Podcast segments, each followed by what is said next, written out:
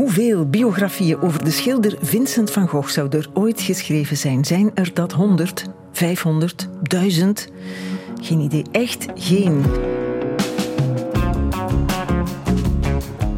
Voorproevers. Maar er is er één meer. Een biografie, maar geen echte. Ze gaat maar over een stukje uit het leven van Vincent van Gogh. Een klein periodetje waar het in die andere biografieën zelden over gaat, maar dat de schrijver van deze nieuwe biografie echt belangrijk acht. Dat is gedurfd, Lander de Weer. Alles wel beschouwd gaat het over een weekend uit het leven van Vincent van Gogh. Een weekend in de zomer van 1879, toen hij 26 jaar was. En hij gewandeld heeft van de Borinage naar de Vlaamse Ardennen. Is vertrokken op vrijdag en is aangekomen op zondag. En misschien hadden we nooit van Vincent van Gogh als kunstenaar gehoord dat, als hij die wandeltocht niet had gemaakt. Dat is wat jij denkt.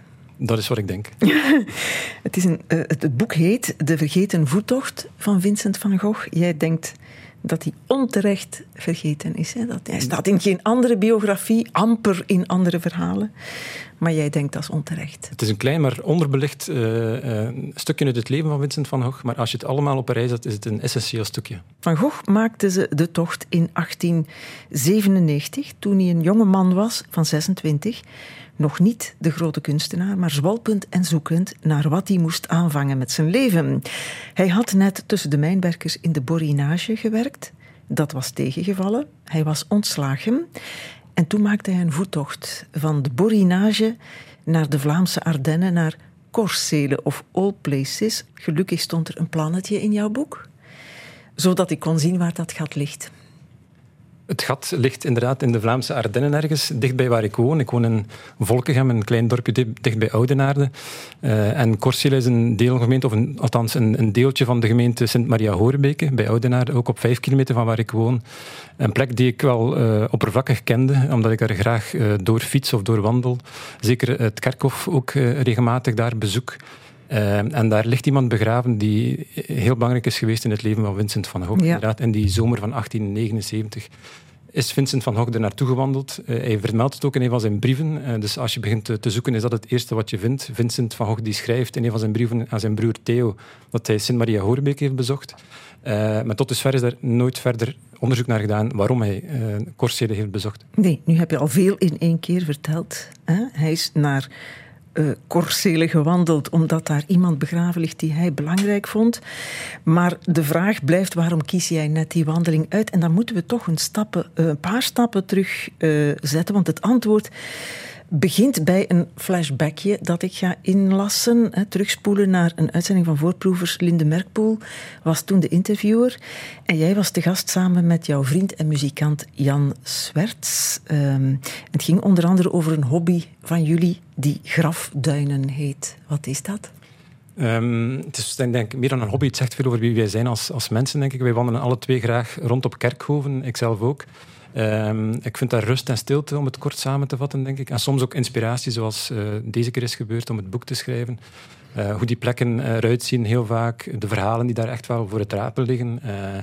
Uh, uh, zeker de plek in Corsel is uh, voor mij het mooiste kerkhof van het land. En dat is dus een van de plekken die ik regelmatig bezoek ja. tijdens die, die, uitvoering van het grafduinen. Het is ook een prachtwoord, hè? grafduinen, ja. door jullie uitgevonden? Het is uh, een vondst van Jan, voor zover ik weet nog niet in Vandaal opgenomen, maar misschien gebeurt dat binnenkort nog wel. Jullie gaven daar voorbeelden bij toen van de verhalen die je erbij kunt verzinnen en Jan Swerts begint. Liefst eigenlijk vrij oude zerken. Dus zerken die scheef getrokken zijn, die amper nog leesbaar zijn qua, qua data. Uh, en ook heel vaak zerken waar eigenlijk duidelijk ook de, de, de, de smart ook is gestold. Eigenlijk een soort relict van rouw is. En daar dan de vraag bij stellen, ja, als ik nu eens graven naar verhalen hier, wat komt er hier dan boven? En een van die uh, zerken die mij heel erg aansprak, was er eentje in, in Sint-Truiden. Um, en dat was een zerk uh, waar geen foto op stond, wat meestal wel het geval is. Niet zo'n klassiek ovaaltje, maar een foto enkel met een, met een, een, hand, een, met een leren handschoen. En die had een stuur vast en je zag een dashboard van een heel mooie oldtimer. Maar ziet niet het gezicht. En voor de rest zie je gewoon de uitspraak: uh, You always walk alone. Niet you never walk alone, you always walk alone. En dat is zo prikkelend dat ik eigenlijk wel wilde weten welk verhaal daarachter schuil ging. Wat is de mooiste begraafplaats die jullie ooit al bezochten? We krijgen die vraag vaak uh, en ik geef er altijd een ander uh, antwoord op. ik denk dat ik op dit moment, uh, omdat ik er ook voor een boek mee bezig ben, zal antwoorden dat de kerkhof van Corsele, in de buurt van waar ik woon, in de Vlaamse Ardennen, misschien wel het mooiste is van het land alvast. Misschien, ik zal niet zeggen van de hele wereld, is misschien al heel erg absoluut. Maar eigenlijk wel het mooiste van de hele wereld. Bedoelde je toen, hè, dat was jij, Lander, een half jaar geleden. En je gaf al een tipje van de sluier die je nu oplicht. Hè. Dat boek over Van Gogh was je aan het schrijven. En zijn vergeten wandeling begint op dat kerkhof in Corsele. Voor alle duidelijkheid, Van Gogh ligt daar niet begraven. Nee, die ligt in de buurt van Parijs begraven. Ja, alles heeft te maken met de eigenaardigheid ook die Corsele is, dat dorp, dat gat, bestaand uit één straat, zo stel ik het mij voor. Ik ben er ooit lang geleden in mijn begindagen als reporter op de radio, dat was in 84, als toeristisch journalist naartoe gegaan. Eén straat, uh, die ook beschreven is door Louis Paul Bon. Ooit, eind jaren 70, toen schreef hij dit over die ene straat. En kom je in die straat, dan zie je Blommaert, Blommaert, de jonge Blommaert. Op de huizen staan namen als het Hof der Geuzen. En ze hebben een dominee. Ze zijn nog altijd Calvinisten. En ze hebben een schooltje, een kerkske en een begraafplaats. Voilà, schattig, cute, liefelijk. In welk boek van Boon staat dat? Hij was er toen om voorbereiding te doen voor zijn laatste boek, uiteindelijk het postuum verschenen Het Geuzenboek. Mm als je daar zo aankomt, midden in Vlaanderen, vind je daar plots de 17 provinciën terug, heeft hij daar later over gezegd. En het is ook merkwaardig, hè, want het is een eilandje eigenlijk midden in het katholieke Vlaanderen. Ja, je zou het een stukje Nederland kunnen noemen in Vlaanderen. Ehm, de enige plek in Vlaanderen die onafgebroken protestants is gebleven sinds de beeldenstorm. Ehm, en ik, ik kende de plek wel, dus van er langs te, komen. Maar vooral ook van de, bu de verhalen van de buren, die daar de, de raarste dingen over zeiden. De, de mensen in Korsele, dus de geuzen, die zouden op een eiland leven. Die zouden een eigen gebruiken hebben, eigen gewoontes. Die zouden ook een eigen taaltje hebben. Er zou ze een beetje anders uh, uitzien, alsof ze het over een exotische stam ergens in het uh, regenwoud uh, hadden. Um, dus die plek prikkelde al langer mijn fascinatie. Ja, het zijn mensen waar geen contact mee is dan ook. Hè? Als men denkt dat ze anders praten. Ja, er is altijd wel een soort kloof geweest tussen de protestanten en de katholieken in de streek. Maar nu ik dus de, de plek beter ken, ja, dan kan ik die geruchten alleen maar tegenspreken. Ja, die mensen zijn nu misschien ook naar de radio aan het luisteren, terwijl wij over hen praten. Klopt, uh, maar ik, uh, ja, ik, ik, voel mij daar ondertussen ook enorm welkom. Dus uh, ik, voel, ik praat er met een gerust gemoed over. Ik ga er ook niks kwaads over zeggen. Want ze komen erg goed uit jouw boek ook. Hè? Veel blommaards hoorden we, hm? het bij de levenden, ook bij de doden. Want jij bezoekt dan dat kerkhof daar heel vaak. En je schrijft dat ook. Hè? Daar ligt een hele familie blommaards bij elkaar. Iedereen is familie. Iedereen is familie van elkaar, inderdaad. Uh, en als je, op de graven, als je op de graven bent te lezen, het is zeer sobere graven, wat past bij het protestantisme, dan zie je inderdaad vaak diezelfde naam terugkeren. Uh, dat sprak mij meteen natuurlijk aan. Dat in combinatie met het groene karakter van het kerkhof, dat nog centraal in, het, uh, in, de gemeenschap ook ligt, dus vlak achter de kerk. Het is een ontmoetingsplek voor veel mensen. Maar er staat een prachtige boom, een treurbeuk, enkele treuressen ook. Het is het hele jaar door groen. Wordt goed onderhouden. Op veel graven groeit klimop ook. Dus dat allemaal uh, in acht genomen, dan is het een van de mooiste kerkhoven van het land. Ja, ja, van de wereld, hè? Of van de wereld zelfs.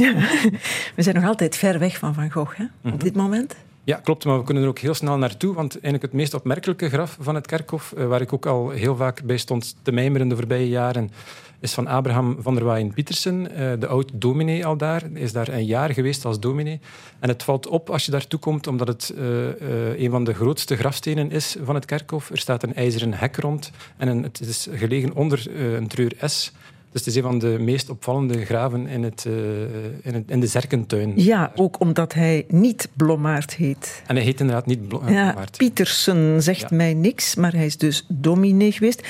Um, ja, we zijn nog niet bij Van Gogh. Het is de man die Van Gogh heeft bezocht. Ja, dus Pietersen was de man waarvoor Van Gogh die lange voettocht heeft gemaakt. Niet het graf, maar de levende nee, Pietersen. Nog. Hij is pas een jaar later gestorven, ook eh, vrij jong. Hij was begin de 60, uh, Pietersen toen. Maar hij leefde toen nog in de zomer van 1879, toen Van Gogh hem heeft bezocht in de Geuzenhoek. Ja, en dat weet je zeker, hè? dat staat in die brieven die hij aan Theo schreef. Ja dan zijn we toch al in de buurt van wat hij daar kwam doen. Nog altijd niet bij waarom dat nu een memorabel moment is geweest. Levensbepalend voor Van Gogh, zeg jij. Hoe kom je erbij? Want we hebben feitelijkheden. Beroemde schilder in wording, maar dan nog niet Vincent van Gogh. Bezoekt dominee-schilder, maar toch meer dominee dan schilder, Pietersen. Waarom? Is de intrigerende vraag. Een sleutel is te vinden bij de kleinkinderen van die Pietersen, die nog leven die nog leven. Toen ik aan deze zoektocht begon, ik ben op weg gezet door beeldend kunstenaar Johan Tahon, die mij het verhaal voor het eerst vertelde. En vrij snel daarna uh, kom ik bij de nazaten van Pietersen terecht, die ook nog in de streek wonen, Henk en Lisbeth Lutjeharms. En die, die hadden tot mijn verrassing en tot mijn geluk heel veel informatie bewaard over die persoon, over Pietersen. Dus uh, Henk is de, de vader, Lisbeth is de dochter. En Henk is uh, achter, achterkleinzoon van, van Pietersen. Dus die Pietersen is zijn bedovergrootvader, ja, dat is waar, ja.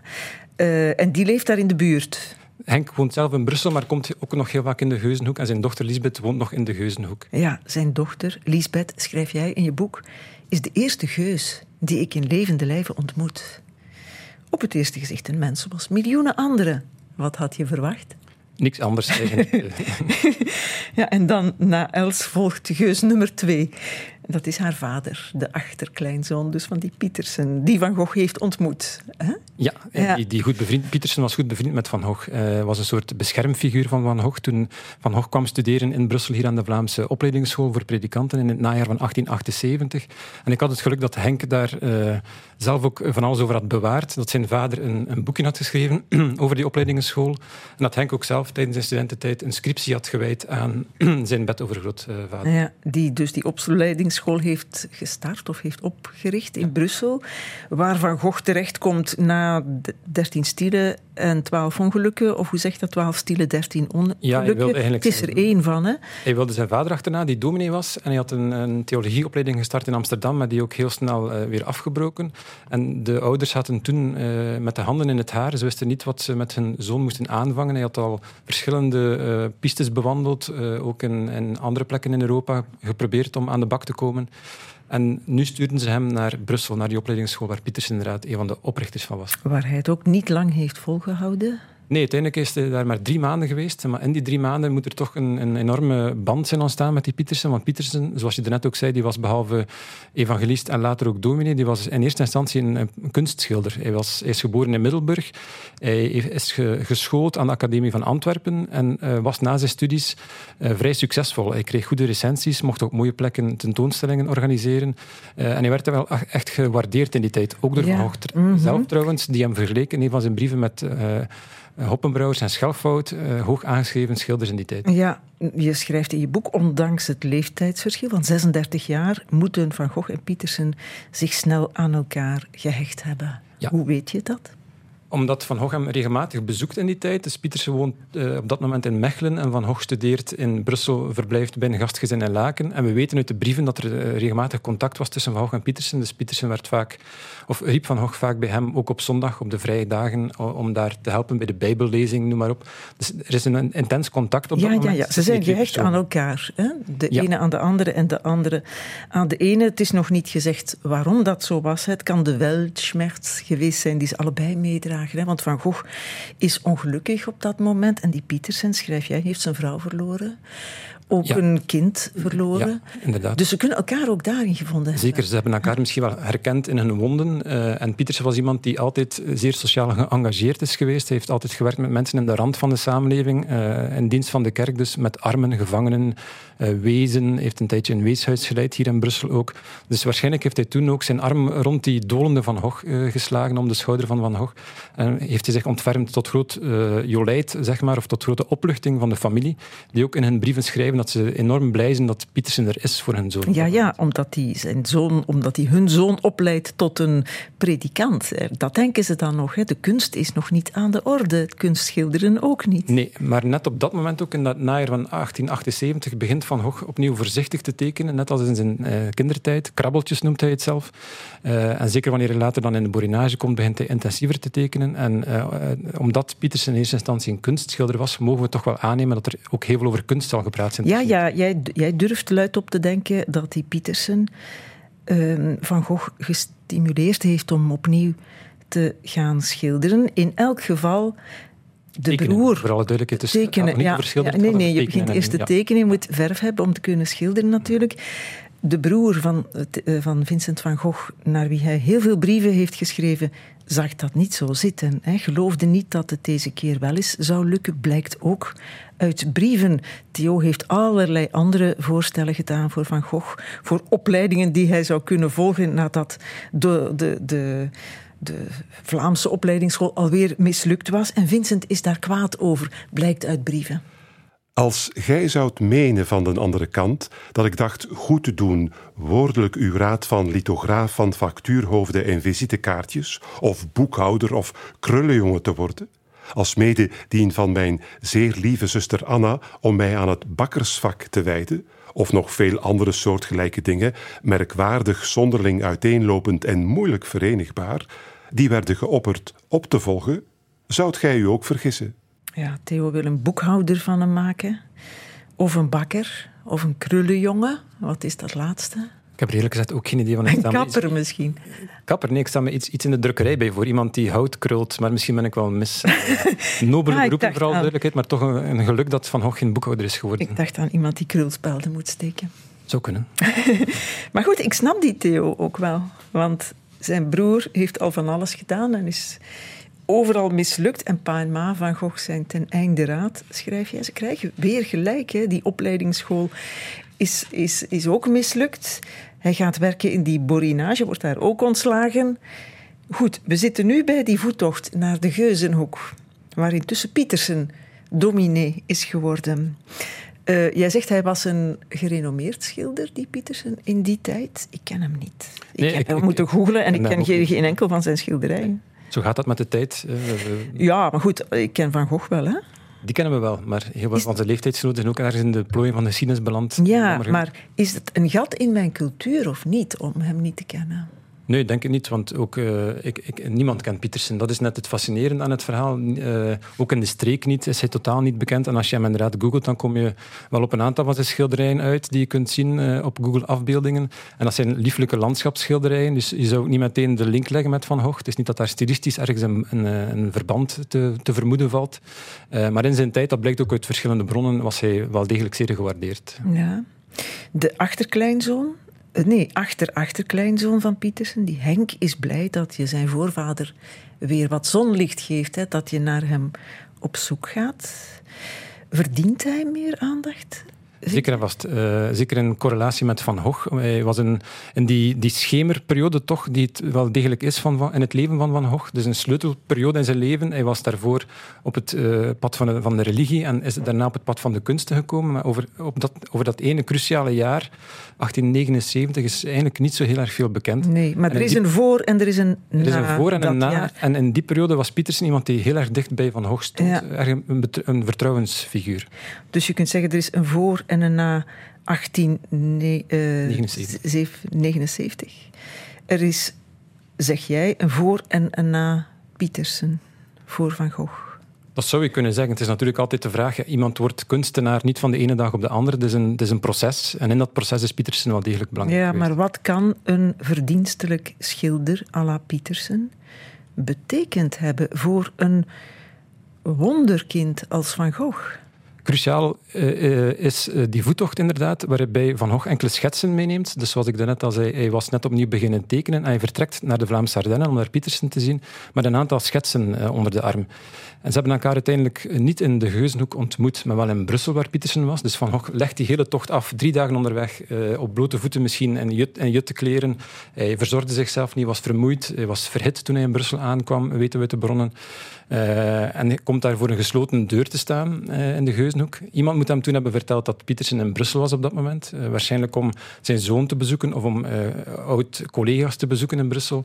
En daar hebben ze elkaar ontmoet. Heeft, Toch niet te voet naar Brussel dan daarna? hij schrijft zelf in zijn brieven dat hij de tocht gedeeltelijk te voet heeft afgelegd. Och, Dus arme toch? waarschijnlijk heeft hij dan de trein genomen. Eh, dichtbij was er een station waarbij hij op zondagavond de trein kon nemen naar, naar Brussel. Ja, dus hij moet vast besloten geweest zijn, of wanhopig, om dan uiteindelijk die ene rots in de branding, Ja, zo stel ik het mij voor, Klopt. Pietersen, Iemand te die zien. kunstenaar was en aan wie hij zijn tekeningen op dat moment wilde tonen. Ja, van wie hij veel verwachtte. Anders loop je geen drie dagen te Nee, inderdaad.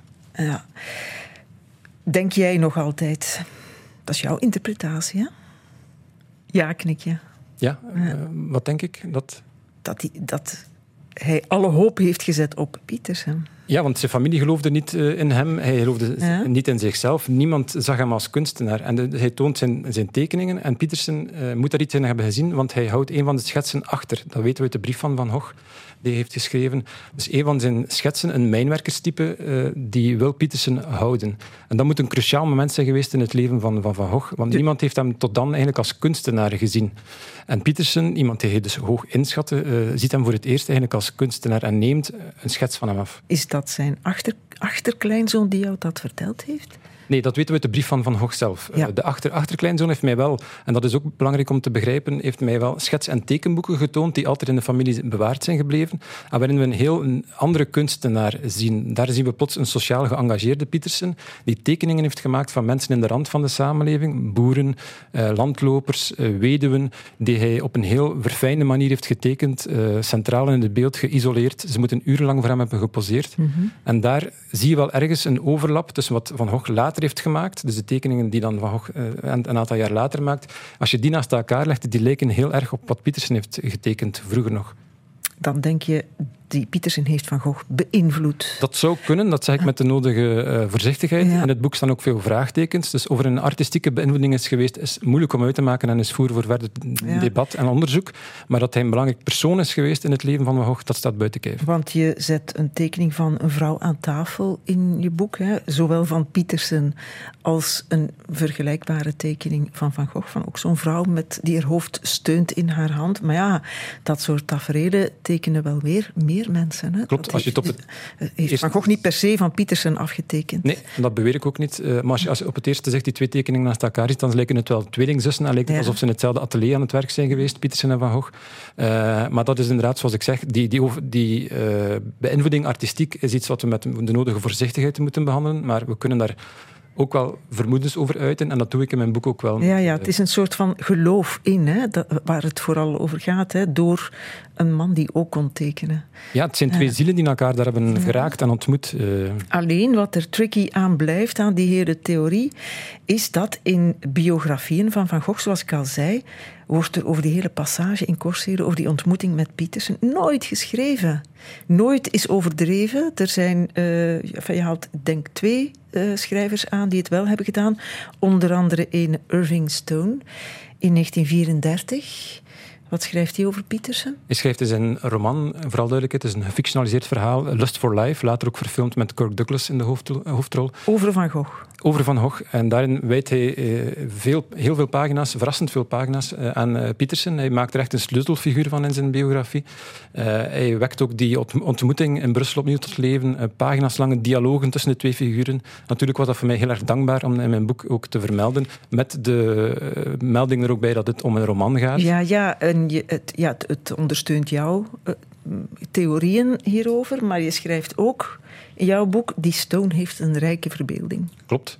Een andere figuur, vooral duidelijkheid, die over die ontmoeting heeft geschreven, is Jan Hulsker. En dat was in zijn tijd, is helaas al jaren dood, een gerenommeerd expert, een Van Gogh-expert uit Nederland, die ook als een van de enige, of zo niet de enige, uh, die uh, vriendschap met Pietersen heeft onderzocht en beschreven. En hij is er ook van overtuigd, schrijft hij, schrijft hij dat Van Gogh Pietersen wilde zien als kunstenaar en niet als predikant. En dat is essentieel. Mm -hmm.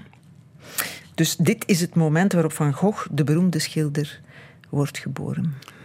Je zou het zo kunnen zeggen, met de nodige zin voor overdrijving, uh, zou je kunnen zeggen dat Van Gogh kunstenaar werd terwijl hij uh, door mijn straat liep misschien wel. Uh, misschien is hij er wel gepasseerd, dat weten we niet. Dream on, Dream on inderdaad, maar je weet het nooit. Stond jouw huis er al? Ja, het stond er al. Ja, uh, 100 jaar al zelfs op dat moment. Um, maar zoals ik is daar misschien zei, wel komen aankloppen. Uh, wie weet, ja, inderdaad. Van de dorst. Van de dorst, ja, want hij moet inderdaad dorst hebben gehad. Maar dus een kunstenaar worden is een proces. En in dat proces heb je een aantal mensen nodig die je op de goede weg uh, zetten en die je uh, duwtjes in de rug geven waar nodig. Mentoren noemen ze, kunnen we ze ook wel kortweg noemen. En een van die vergeten mentoren, en die, op dat scharniermoment in het leven van Van Gogh was Pietersen. Dus. Ga jij nu een kruistocht beginnen om dit bewezen te krijgen, om deze theorie algemeen aanvaard te maken? Nee, niet zozeer. Het is me niet te, doen om in het kunsthistorisch debat te gaan staan en om een wel eens niet een spelletje te gaan beginnen. Ik heb met alle uh, vraagtekens van die het verhaal willen opschrijven. Uh, eerherstel voor Pietersen, eerherstel ook voor die plek. Uh, en wat er nu nog verder mee gebeurt, ja, dat, dat is even afwachten. -hmm. Want officieel wordt als kantelpunt in het leven van Van Gogh hè, de, de, het moment dat hij van zwalper naar kunstenaar de omslag maakt naar een andere voettocht verwezen, die eh, een paar maanden later trouwens naar het noorden van Frankrijk, Courrières, ook een mijnstadje, op zoek naar Jules Breton. Ja, een schilder, een schilder liever die hij uh, bewonderde en waar hij dus ook naartoe trekt, deels te voet, deels met de trein, en die hij beschrijft in een, een lange brief die hij schrijft aan Theo na tien maanden van stilzwijgen. Dus het is een periode uit het leven van Van Gogh waar ook weinig over geweten is, omdat hij in die periode ook weinig brieven heeft geschreven, of die brieven zijn althans niet bewaard. En in veel naslagwerken wordt die tocht naar, naar het noorden van Frankrijk, die hij tien maanden na zijn tocht naar de Vlaamse Ardennen heeft ondernomen, heel vaak als het officiële startschot van zijn kunstenaarschap naar voren. En waar, waarom denken ze dat? Ja, omdat hij in zijn brieven ook schrijft dat hij kunstenaar wil worden. Voor het eerst vermeldt hij expliciet zijn ambitie en uh, krijgt hij ook de zegen eindelijk van zijn familie. Theo stuurt hem geld toe, waardoor Vincent nog meer begint te tekenen uh, om zijn schulden af te lossen bij zijn broer. Uh, en dat is natuurlijk een heel verleidelijk narratief. Het gaat van, van, duisternis naar licht, zou je kunnen zeggen. maar mijn theorie is dat om die uh, gebeurtenissen in het voorjaar van 1880 te begrijpen, dat, dat we ook uh, moeten kijken naar wat er een jaar eerder is gebeurd, naar de vriendschap met die Pietersen en naar die tocht naar de Vlaamse Ardennen. Ja, ja. Jij zegt dat, ligt, dat cruciale punt ligt een beetje eerder. Het is, het is ook maar kwestie van een paar maanden uiteindelijk. Inderdaad. Ja. Het is toch dapper van je om daar anders over te denken. Ja, ja, misschien ben ik me niet bewust van de storm die er uh, eventueel zou los, losbarsten, maar ik voel het zelf niet als dapper aan. Ik, ik was zeer gefascineerd door dit verhaal. Ik heb het uh, in alle eerlijkheid proberen neer te schrijven en uh, ik ben blij dat het nu in boekvorm verschijnt. Over dat wandelen hè, via kerkhoven om daar verborgen begraven verhalen van de doden te gaan opgraven. Wat is dat een mooie manier om verhalen te vertellen, Lander? Ja, ik doe dat graag. Ik wandel sowieso graag. En uh, vaak is een kerkhof wel een bestemming of een, iets wat ik onderweg altijd probeer op te zoeken. Als ik ergens voor het eerst kom, ga ik ook altijd wel het kerkhof eens uh, bezoeken om te zien welke namen daar staan, welke, welke uh, architecturale ingrepen er in het landschap zijn gebeurd. Allee, het, is, het is altijd wel een plek die, mij, die aan me trekt ergens. Je bent een wandelaar, je bent ook een jogger, een loper. Ja. je hebt een deel van die vergeten voettocht van Van Gogh in de, van de Borinage naar de Geuzenhoek overgedaan, maar dan al lopend. Ja, ik, 60 uh, kilometer. Ja, ongeveer inderdaad. We weten niet hoe hij is gewandeld, dus de route van Van Gogh is niet bekend helaas. Uh, maar ook dat is weer een deeltje van het puzzelstuk dat tot de verbeelding spreekt, dus we kunnen er onze fantasie over laten uh, gaan waar hij is gepasseerd. Ik heb toen besloten om het niet al wandelen te doen, maar al, al lopend, hardlopend inderdaad. Gaat rapper, hè? Het gaat sneller en ik doe het ook gewoon wel liever. Uh, ik ben een wandelaar, maar nog meer ben ik een hardloper. Mm -hmm. Ik loop graag lang, maar ook traag. Dus, uh... Maar je vraagt je wel af, onderweg moet hij het Pays de Colline, de verlaten zuidflank van de Vlaamse Ardennen, vervolgens de Vlaamse Ardennen zelf hebben doorkruist. Moet ja. hebben, uh, je weet het ook niet ja, hij zeker. Moet, hij moet in de Geuzenhoek zijn toegekomen, dus hij moet wel de Vlaamse Ardennen hebben doorkruist. Ja, ja, dat is waar. Onderweg moet hij minstens twee waterlopen hebben overbrugd. Het toen nog nieuwe kanaal tussen Blaton en Ad en wat later ook de Dender. Dat kan niet anders, want anders was hij. Die waren er toen ook niet al. Gek. Maar hoe bepaalde hij zijn route, vraag je je af. Dat is ook niet duidelijk. Hè? GPS bestond niet. Nee, uh, zeer fascinerend inderdaad. Uh, we spreken over een tijd waarin ja, de trein was er wel al, maar uh, mensen wandelden steeds meer en steeds langer ook. Dus het past volledig in de tijdsgeest. Maar die technologische hulpmiddelen waren er toen nog niet. De routes stonden ook amper aangegeven. Ook biografen konden mij daar niet meteen een antwoord op geven hoe Van Gogh zijn route bepaalde. Waarschijnlijk baseerde hij zich op, ja, op de zon, op de sterren, zoals mensen toen nog konden. Wij zijn al een beetje ver, Leert. Misschien vroeg hij de weg aan mensen. En waarschijnlijk vroeg hij de weg ook. En hier en daar zal er wel een pijl hebben gestaan. Uh, en hij keek ook heel graag naar kaarten. Dus ik kan wel vermoeden dat hij zich ook goed heeft voorbereid ja, op dat Maar nergens een plakkaatje met hier zat Van Gogh op een bank bijvoorbeeld? Nee. nee. dus geen sporen van die... Van hier kwam hij een pint drinken. Hier heeft hij inspiratie nee. op gedaan voor dat schilderij. Klopt. Maar misschien nog goed ook, uh, Van Gogh keek graag naar bomen uh, voor, uh, bijvoorbeeld ook. En het is ook fijn dat, om na te denken dat hij heel veel mooie bomen heeft gepasseerd in die wandeltocht. Maar het is goed dat daar geen bordje aan hangt, ja. want dan wordt het meteen een toeristisch... Ja, ja, en ze zouden het nogal uitbuiten dan ook, hè? Ja. je, je, je kent in die Geuzenhoek nu vrijwel iedereen, neem ik aan. Want je hebt daar met heel veel mensen gepraat. Niet alleen met Henk en met die kunstenaar Johan Tahon, maar ook met, met de geuzen, de levenden en de doden al die doden die nog levend zijn, schrijf je ergens ook. Hè? Want je kent ze allemaal intussen. Elk graf een boek.